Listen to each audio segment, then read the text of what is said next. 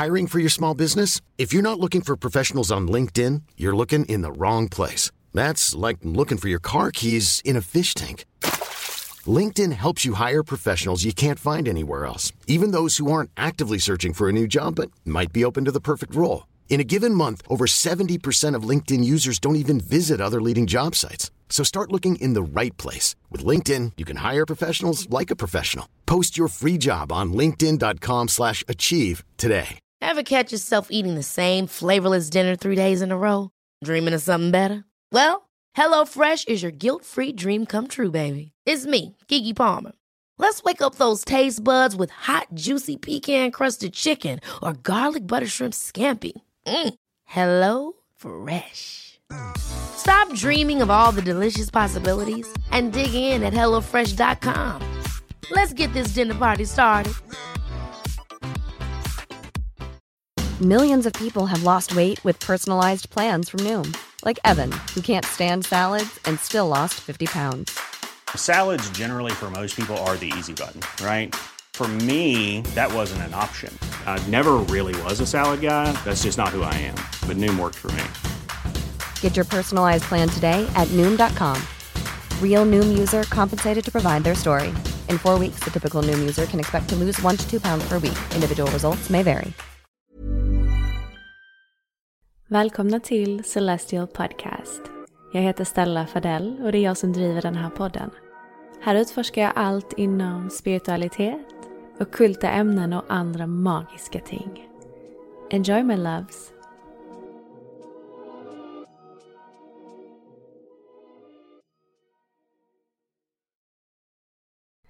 Hej alla magiska varelser och varmt välkomna tillbaka till Celestial Podcast. Det är Stella här. Jag hoppas att ni alla mår superbra. Jag känner mig full av så härlig energi då vi precis gått in i fiskarnas period. Så jag är ju verkligen i mitt rätta element som solfisk själv. Och eh, vi fullbordar ju ett astrologiskt år och rör oss från en rätt intensiv period där vi precis varit i Vattumannens tecken. Men nu ska ni veta att eh, fiskarna kommer med så här härlig chill vibes energi. Och eh, det som jag har fått till mig det är att med fiskarna så, så uppmanas vi att ta saker och ting lite som det kommer. Att ha en flexibilitet i vardagen och att vara så närvarande vi bara kan. Att ta det lugnt, andas, meditera, reflektera, vara stilla. Alltså jobba med själen. Och fiskarna är det tecknet som kännetecknas av att vara superintuitiva, drömska, kreativa och känsliga. Så bli inte förvånade om ni känner igen er mer än vanligt i dessa egenskaper under just denna period. Men jag uppmanar er verkligen till att checka in med er själva varje dag och fråga ert mind, body and soul, vad behöver jag just idag? För jag kan lova er att er intuition kommer att tala tydligare än vanligt om ni bara låter den. Så det är en perfekt tid att connecta med er själva. En annan sak som är så nice just för min del, det var ju att jag klippte av mig nästan 20 centimeter av mitt hår i veckan. Och eh, det kändes verkligen som, nästan som en spirituell upplevelse. Eh, det kändes som att jag blev av med flera, flera år av tråkig gammal energi. Då har jag haft samma frisyr annars i cirka 12 år. Så att eh, jag känner bara att det är dags nu, det är dags för lite förändring.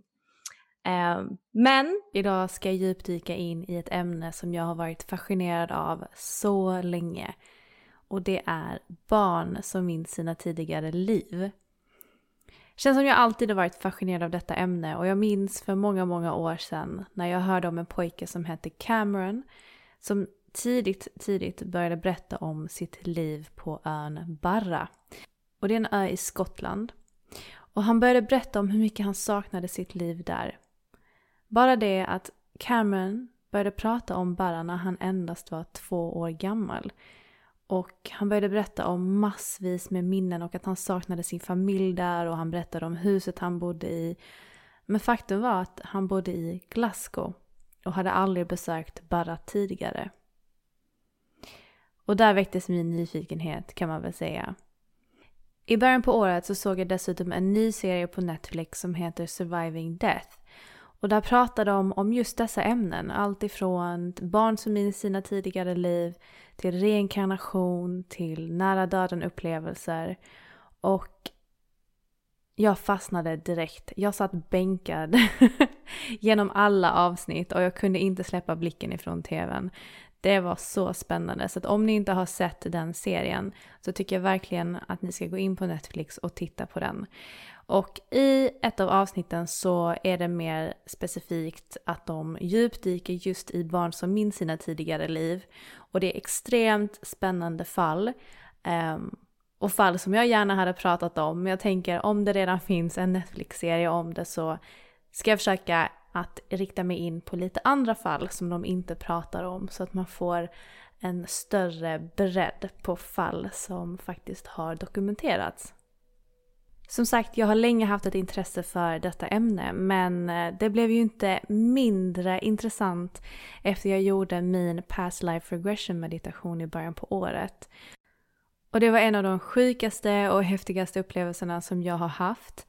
Och eh, detta berättar jag faktiskt om, så jag har gjort ett helt avsnitt om detta om ni vill lyssna på det. Det var ett väldigt eh, kraftfullt eh, avsnitt för min del och eh, ja, väldigt häftigt att få bearbeta och prata igenom det som jag upplevde.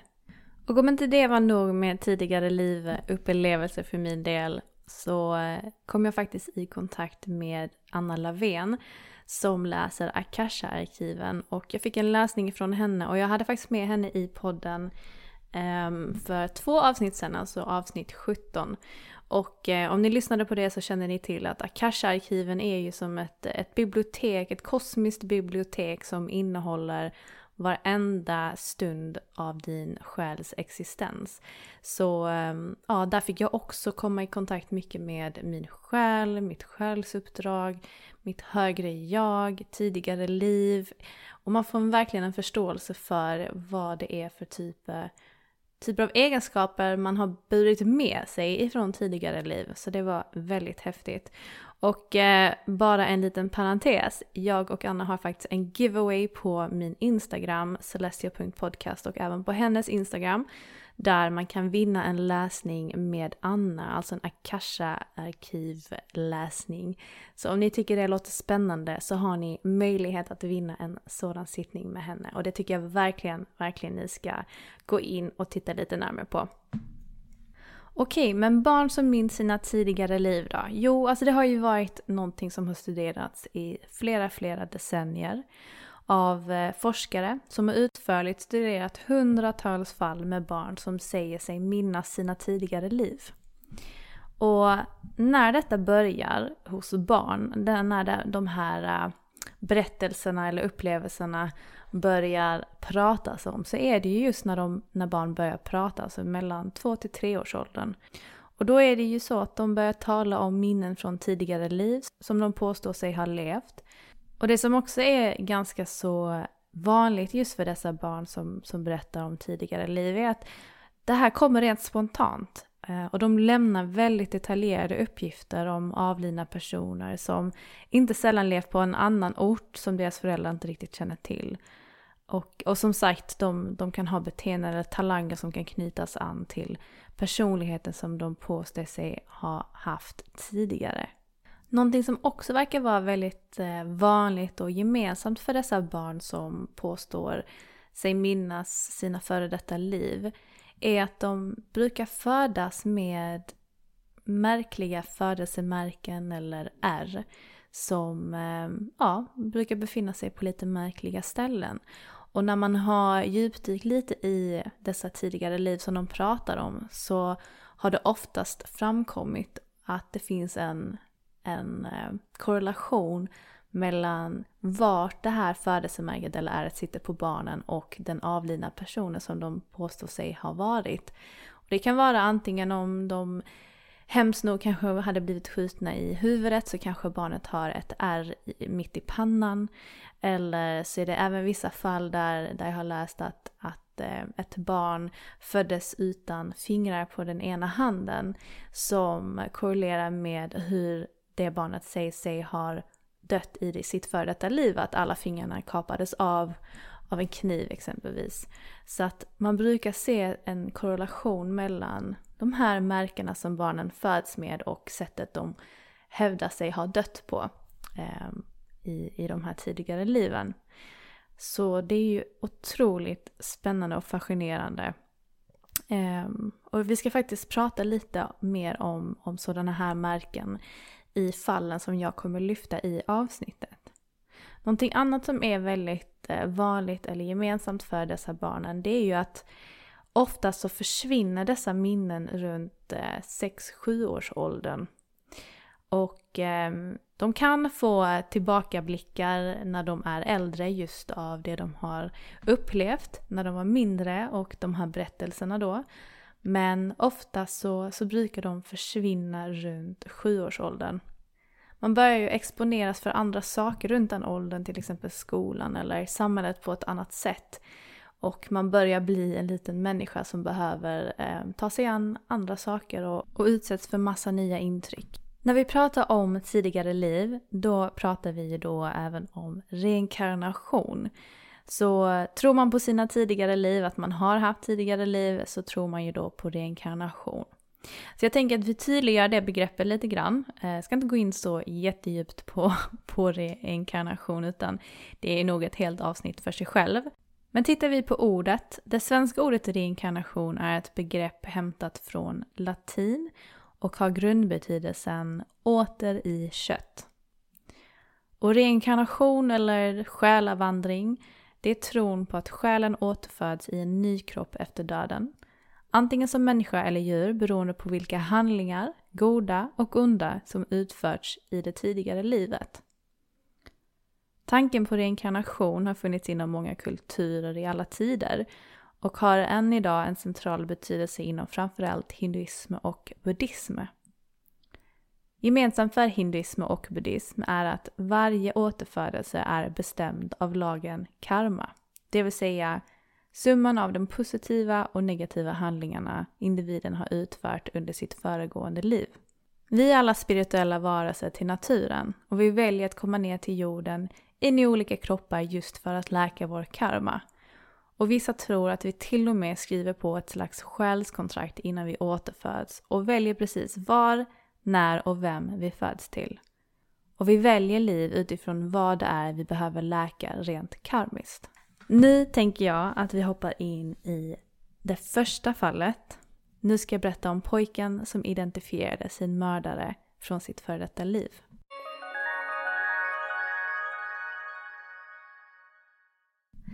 Det här första fallet jag ska berätta om är så spännande. Och eh, jag läste eh, flera artiklar faktiskt om just det här fallet. Som är bland annat skrivna av professor Eli Lash. Som efter en lång karriär inom medicinen öppnade en praktik i Israel. Där han arbetade som både regressionsterapeut och andlig läkare. Och han var med och fick beskåda detta fallet och eh, undersökt och dokumenterade fallet om en pojke från Israel som sägs ha, identifierat sin mördare från sitt före detta liv. Och eh, han tillhör en nation som kallas för druser, eller druserna. Och druserna är en nation med cirka 200 000 människor som för länge sedan bosatte sig i Libanon, Syrien, Jordanien och regionen som nu kallas Israel. Och de är varken muslimer eller kristna, för de har sin egen religion och reinkarnation utgör grunden för deras tro. Så, så som jag förstod det och så som jag läste så, så brukar det faktiskt gå till så att så fort ett barn föds så undersöker man deras kroppar efter just födelsemärken eller ärr som kanske ser lite misstänksamma ut eller lite ovanliga. Eftersom de just är övertygade om att dessa ärr eller födelsemärken är så kallade dödsår som togs emot i ett tidigare liv. Och om man skulle hitta sådana här märken på ett barn när de är nyfödda så försöker man att eh, återbesöka dessa när de är lite äldre och kan börja prata. Eh, som sagt, det är svårt att, och, och ha en konversation med en nyfödd bebis. Det går ju inte. Så att man får ha tålamod och vänta tills de har blivit ett par år gamla i alla fall. Och det som, det som de är medvetna om det är egentligen att de vet att små barn kan ofta förväxla händelser från förr och nu. Och de upplever allting inom ungefär samma tidslinje och kan inte riktigt skilja på vad som var i det förra, förra livet kontra det livet som de lever i nu. Men när barnet ungefär är tre år gammalt så sägs det att de kan skilja mellan händelser från det förflutna och dess nuvarande liv. Så är det så att ett barn börjar prata om minnen eller berättelser som eh, föräldrarna inte riktigt kan igenkännas vid ifrån detta livet så, så brukar man faktiskt ta detta på fullast allvar och man, man tar barnet till de här platserna som, som han eller hon berättar om. Och eftersom detta är någonting som är så vanligt och väletablerat inom, eh, inom drusernas eh, kultur så brukar man faktiskt sätta ihop en grupp med, eh, med personer, alltifrån eh, familjemedlemmar till, eh, till barnet eller eh, ja, medlemmar i communityt helt enkelt för att utreda detta vidare. Så där var lite bakgrund. Och nu till den här pojken då. Eh, jag har inte fått reda på hans namn för att som jag har förstått det så har föräldrarna velat eh, behålla det för sig själva och hålla honom anonym, vilket man kan förstå. Men när den här pojken då blev tre år gammal så såg man och undersökte vidare att han hade ett långt rött födelsemärke som sträckte sig från pannan till mitten av hans huvud. Och med detta så samlade man en grupp med både fadern, andra släktingar till pojken och andra medlemmar från communityt. Och enligt det som den här pojken sa så var de ganska säkra på att han hade bott i en närliggande stad eller ett närliggande område i sitt tidigare liv.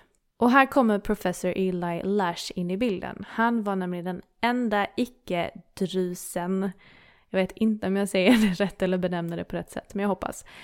Um, den enda icke-drusen som blev inbjuden att gå med i denna grupp eftersom han var så insatt i reinkarnation och, och tidigare liv. Så de besökte några byar och till slut så, så kom de till en, en by där pojken började känna igen sig och sa att ja, men det var här jag bodde i mitt förra liv. Och han började få ännu, ännu mer minnen tillbaka och kunde komma ihåg detaljer. Det han hade börjat prata om för flera månader sedan innan de gjorde den här äh, expeditionen, eller om man ska säga, så berättade han konstant om att en man hade dödat honom med en yxa. Men han hade inte kunnat komma ihåg sitt eget eller hans mördares namn just då. Men när han kom till den här platsen så kom alla dessa minnen rusande tillbaka. Så han kom ihåg både sitt för och efternamn såväl som mördaren. Och en av de äldsta människorna i den byn som de befann sig i hade hört talas om den här gruppen då och den här lilla pojken. Och han hade känt till mannen som pojken sa sig vara i sitt före detta liv. Han sa att den här mannen då, som pojken hade varit, hade varit spårlöst försvunnen i fyra år och eh, man hade lämnat det där för man hade aldrig hittat honom. Så att man hade bara deklarerat eller förklarat att han, han var fortsatt försvunnen och man hittade aldrig honom igen. Och det man trodde var att han måste ha kommit till någon skada i något krigshärjande område. Men i alla fall, det som hände sen var att de gick igenom byn och pojken visade dem till sitt hus som han hade haft. Och detta visade sig attrahera en ännu större grupp människor som blev så nyfikna på den här lilla pojken. Och plötsligt så gick pojken fram till en man som hade varit med i den här samlingen och sa Är inte du da da da? Jag fick inte namnet så det får bli da da da. och mannen svarade ja. Då sa pojken, jag brukade vara din granne. Vi slogs och du dödade mig med en yxa. Och professor Eli berättade hur mannen plötsligt hade blivit vit som ett lakan. Den treåriga pojken sa sen Jag vet till och med var och hur du begravde min kropp. Det här är ju så himla sjukt om detta är sant. Så han hade identifierat sin mördare. Och någon tid senare så, så träffades hela gruppen igen. Och eh, detta hade ju dragit till sig ännu mer attraktion och fler nyfikna människor vandrade bort till de här närliggande fälten där pojken sa att hans kropp från sitt tidigare liv låg begravd. Och mannen som den lilla pojken hade känt igen som sin mördare ombads att komma med. Pojken ledde dem sedan till ett visst fält och stannade framför en stenhög och sa Han begravde min kropp under dessa stenar och yxan ligger där borta. Och såklart så började de gräva, de tog bort stenarna och de upptäckte ett skelett av en vuxen man som hade på sig bondeskläder. Det här skelettet hade en delning i framsidan av skallen som var jättesynlig. Och allas blickar vände sig då till den åtalade mördaren som äntligen erkände detta brott framför alla. Sen gick de över till den platsen där pojken sa att yxan var begravd. Och de behövde inte gräva länge innan de höll yxan i sina händer. Alltså, hur sjukt är det här? Det, detta är, om detta är sant, så är detta en av de sjukaste grejerna jag har hört och läst om. Att han identifierade med för och efternamn och exakt plats där hans kropp begravdes i sitt förra liv. Det är ju så sjukt.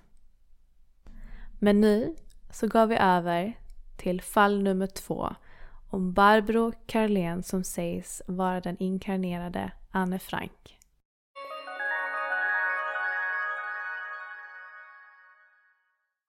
Anne Frank dog i koncentrationslägret Bergen-Belsen 1945. Mindre än tio år senare, 1954, så föddes Barbro Carlén i Sverige.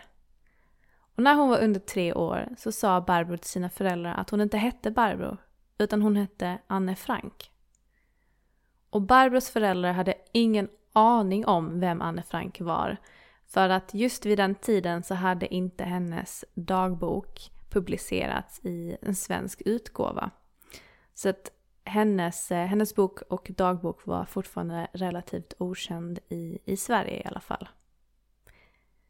Men Barbro berättar att hennes föräldrar ville att hon skulle kalla dem för mamma och pappa eller ma och pa.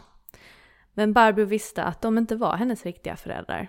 Och Barbro sa till och med till sin mamma att hennes riktiga föräldrar snart skulle komma och hämta henne och ta henne till sitt riktiga hem. Under sin barndom så berättade Barbro för sina föräldrar detaljer om sitt liv som Anne. Men hennes föräldrar viftade mest bort dem som fantasier. Barbro hade märkliga beteenden som liten. Hon hade alltid haft en otrolig fobi för män i uniformer. Hon vägrade klippa sig. Hon vägrade äta bönor just specifikt. Och insisterade på att endast ta bad och inte duscha. Varför?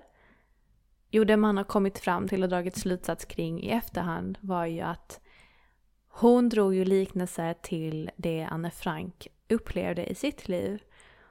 Och att hon vägrade duscha, det var för att det påminde för mycket om de här gaskammarna.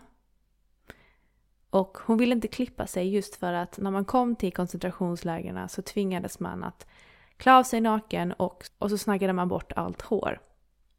Bönorna kunde hon inte äta eller gå nära för att under två års tid, under tiden som Anne Frank och hennes familj gömde sig, så var det det de livnärde sig på, alltså bönor. Och dessutom hade Barbro när hon var liten så många mardrömmar där män sprang upp för trappan och sparkade in dörren till hennes familjs gömställe. Och Barbros tidigare minnen oroade hennes föräldrar så pass mycket att de faktiskt tog henne till en psykiatriker och fick henne utvärderad. När Barbro var sju eller åtta år gammal så blev hon förvirrad när hennes lärare började prata om Anne Frank i klassen. Och hon började tänka, hur vet ni lärare vem Anne Frank är? För att Barbro var helt övertygad om att det var hon som var Anne Frank. Men det började då komma fram att Anne Frank var en väldigt berömd person. För att ungefär vid den här tiden så hade hennes dagbok publicerats i svensk utgåva. Men tiden gick och när hon blev tio år gammal så kan man väl säga att Barbro fick sin första validering ah, av att faktiskt vara Anne Frank. Och det var när hennes familj tog henne och reste till Amsterdam. Och när de var på hotellet så sa Anne Franks pappa så här, ja men jag ringer en taxi och sen så tar vi oss till huset där Anne Frank bodde. Och Barbro viftade bort det direkt och sa nej, nej. Alltså det är bara tio minuter härifrån. Jag, jag hittar dit, jag visar er vägen. Och hennes föräldrar var helt, eh, helt för, förvirrade och tänkte bara hur vet hon vart detta ligger? Jättekonstigt. Men i alla fall, de lämnade hotellet och utan några problem så hittade Barbro direkt till Anne Franks hus utan några anvisningar. Och detta lämnade hennes föräldrar helt mållösa. När de närmade sig huset så tittade Barbro ner på, på trappen upp till huset och sa Det här är konstigt. Trappan såg inte ut så här förut. Och hon såg undrade ut och hennes föräldrar visste inte vad de skulle säga. Men de gick in i huset och gick upp för den långa smala trappan. Och så som Barbro har förklarat det så var det en av de hemskaste känslorna hon någonsin har upplevt. Det var att gå in i det där huset. Hon blev helt vit i ansiktet och hon bröt ut i kallsvett och hon sträckte sig efter sin mammas hand. Och hennes mamma blev helt förskräckt när hon kände hur kall Barbro blev. Hon var lika kall som is för att antagligen så kände hon så starkt när hon gick in där. De gick upp och kom in till den här gömstaden där familjen hade, hade gömt sig då från nazisterna. Och eh, trots att hon kände en, en hemsk skräck och, och kände igen den här känslan så mycket. Det var ju det hon hade upplevt så många gånger i sina drömmar som liten. Och hon började få svårt att andas och paniken spred sig genom sin kropp. Men sen gick de in i en av de mindre rummen och eh, hennes energi lättade upp lite grann. Och hon tittade på väggen framför sig och sa Se, bilderna från filmstjärnorna finns kvar. Och det hon pratade om var att Anne Frank hade klippt ut bilder på filmstjärnor och fäst dem på väggen. Och eh, när Barbro såg dem så fick de detta henne att känna sig lycklig och nästan som att hon hade kommit hem. Bara det att hennes mamma tittade på den tomma väggen och kunde inte alls förstå vad hon snackade om och frågade vadå, vilka bilder? Väggen är bar. Och så tittade Barbro igen och hon såg att den var bar. Väggen var bar. Och hennes mamma var så förvirrad att hon kände sig alltså, manad att, att fråga en av guiderna om, om det var någonting som stämde med det Anne sa om de här bilderna. Varpå guiden säger oh ja, de har bara tagits ner tillfälligt för att de ska monteras under glas så att de inte förstörs eller, eller stjäls. Så de kommer snart upp på väggen igen. Och då tappade Barbros mamma helt och hållet förståndet. Vilket jag kan förstå. Så att inte bara hade Barbro så tydliga minnen och visste exakt hur hon skulle navigera sig till Anne Franks hus och i det här huset och såg att de hade gjort ändringar med huset. Utan det fanns ju väldigt mycket liknelser mellan Barbro och Anne Frank i sättet de var. Och den största liknelsen som man brukar prata om det var att båda ansågs vara så kallade underbarn när det kom till skrivande. Och Anne Frank blev inte bara känd för att hon dog under andra världskriget. Utan hon blev ju känd för att hon var en tonåring som skrev en dagbok som behandlade och pratade om universella teman såsom människans natur och människans tendens att vara god eller ond. Och barn runt om i världen har fått i uppdrag att läsa Anne Franks dagbok för att lära sig just om fördomar. Vilket har gjort att Anne Franks dagbok är en av de absolut mest lästa böckerna i hela världen. Och precis som Anne Frank så var Barbro Carlén ett så kallat underbarn när det kom till skrivandet. Och eh, Barbro berättade att det var som en fantastisk gåva som var medfödd, att hon lärde sig att skriva. Och detta var ett sätt för henne att bearbeta det hon upplevde med de här minnena från, från sitt tidigare liv. Och eh, en dag när Barbro var 11 så eh, läste en familjevän några av hennes kompositioner och insåg att de var jättebra. Och Barbro tillfrågades då efter om hennes eh, skrifter och, och, hennes skrivande kunde skickas till ett förlag, vilket hon gick med på. Och Barbro blev då en publicerad författare vid 12 års ålder.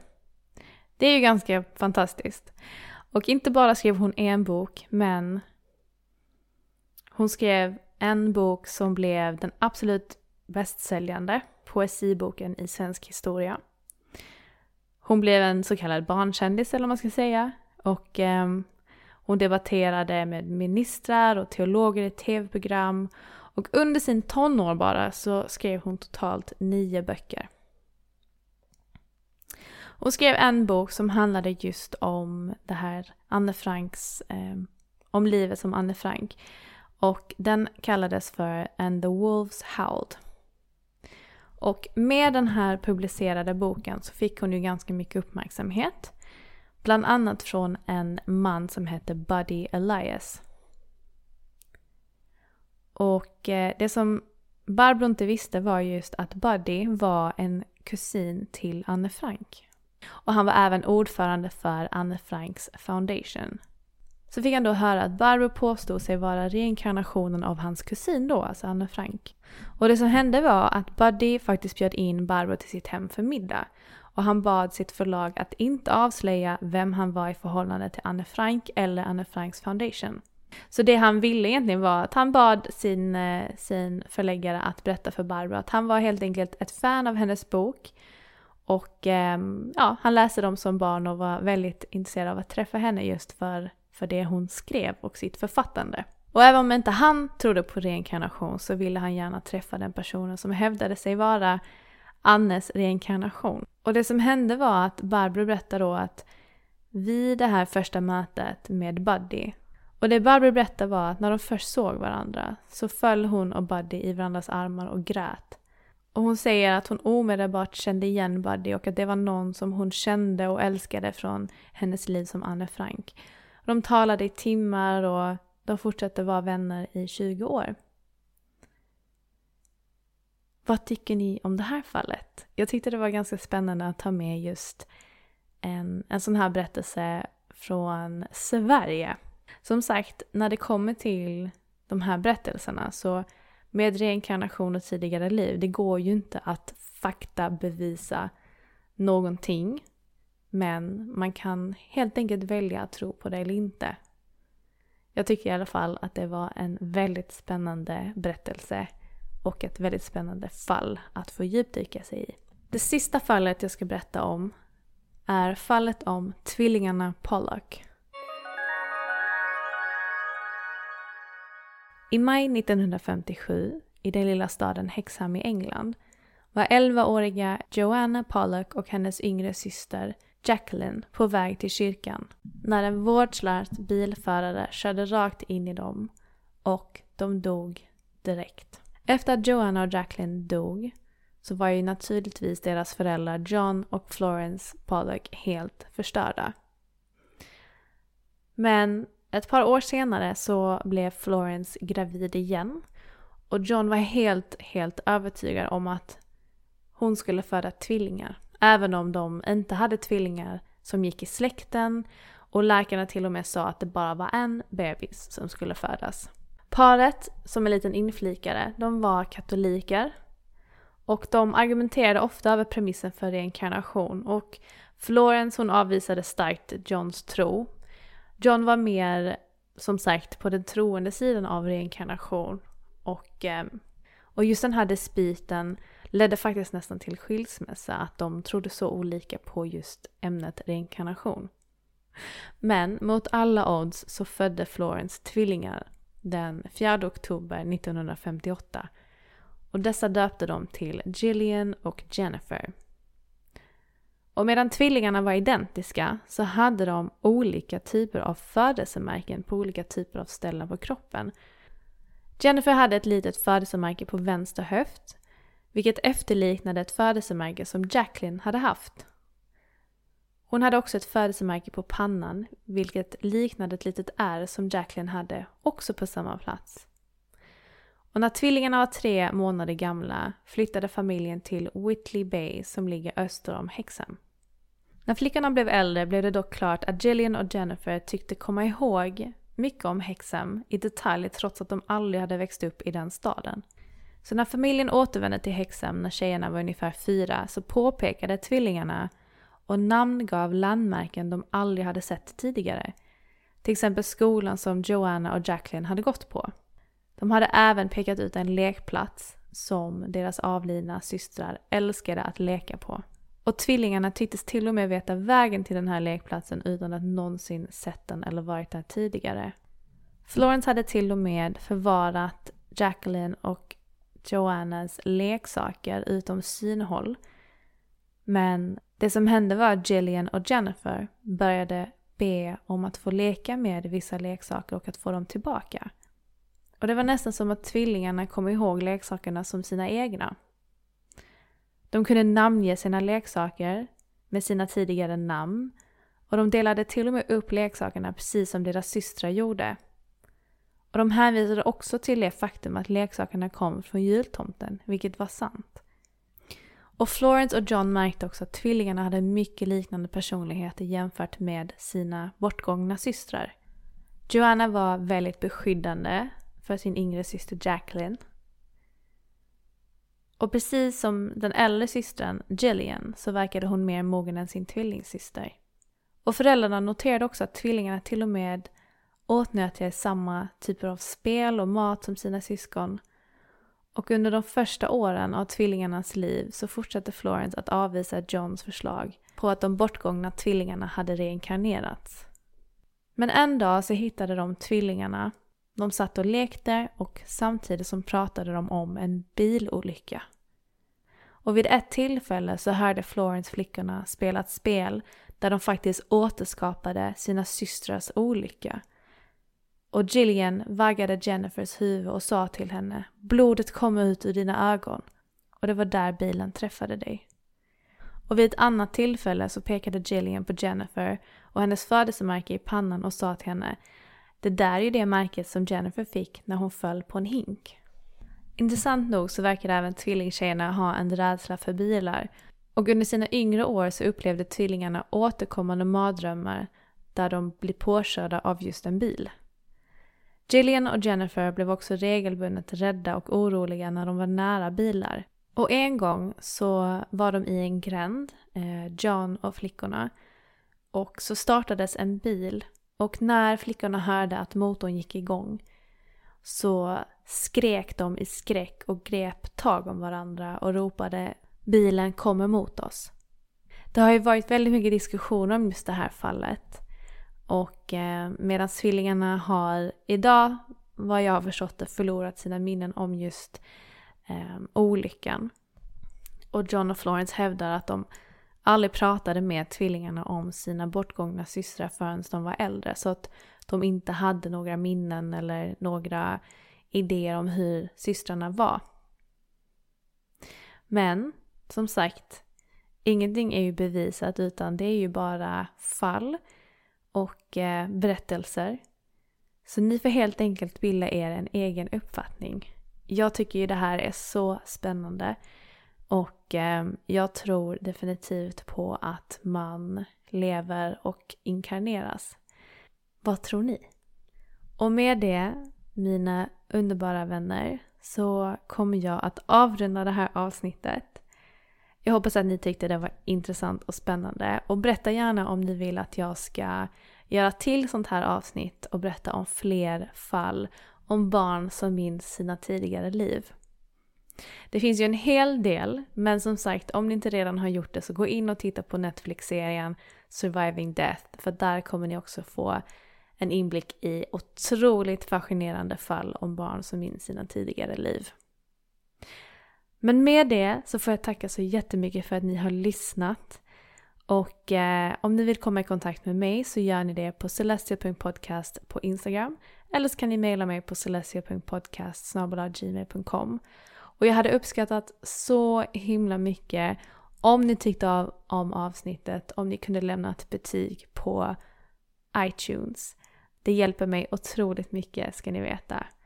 Men tills nästa söndag så hoppas jag att ni har en fantastisk vecka. Puss och kram!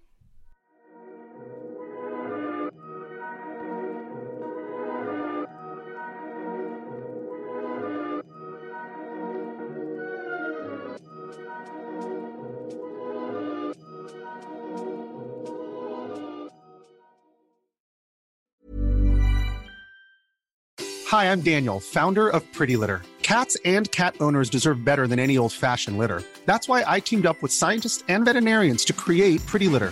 Its innovative crystal formula has superior odor control and weighs up to 80% less than clay litter. Pretty Litter even monitors health by changing colors to help detect early signs of potential illness. It's the world's smartest kitty litter.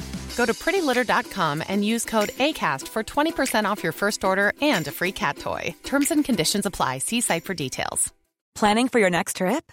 Elevate your travel style with Quince. Quince has all the jet setting essentials you'll want for your next getaway, like European linen, premium luggage options, buttery soft Italian leather bags, and so much more. And is all priced at 50 to 80% less than similar brands. Plus, Quince only works with factories that use safe and ethical manufacturing practices. Pack your bags with high-quality essentials you'll be wearing for vacations to come with Quince. Go to quince.com slash pack for free shipping and 365-day returns. Ever catch yourself eating the same flavorless dinner three days in a row? Dreaming of something better? Well, HelloFresh is your guilt-free dream come true, baby. It's me, Kiki Palmer. Let's wake up those taste buds with hot, juicy pecan-crusted chicken or garlic butter shrimp scampi. Mm. Hello Fresh. Stop dreaming of all the delicious possibilities and dig in at HelloFresh.com. Let's get this dinner party started.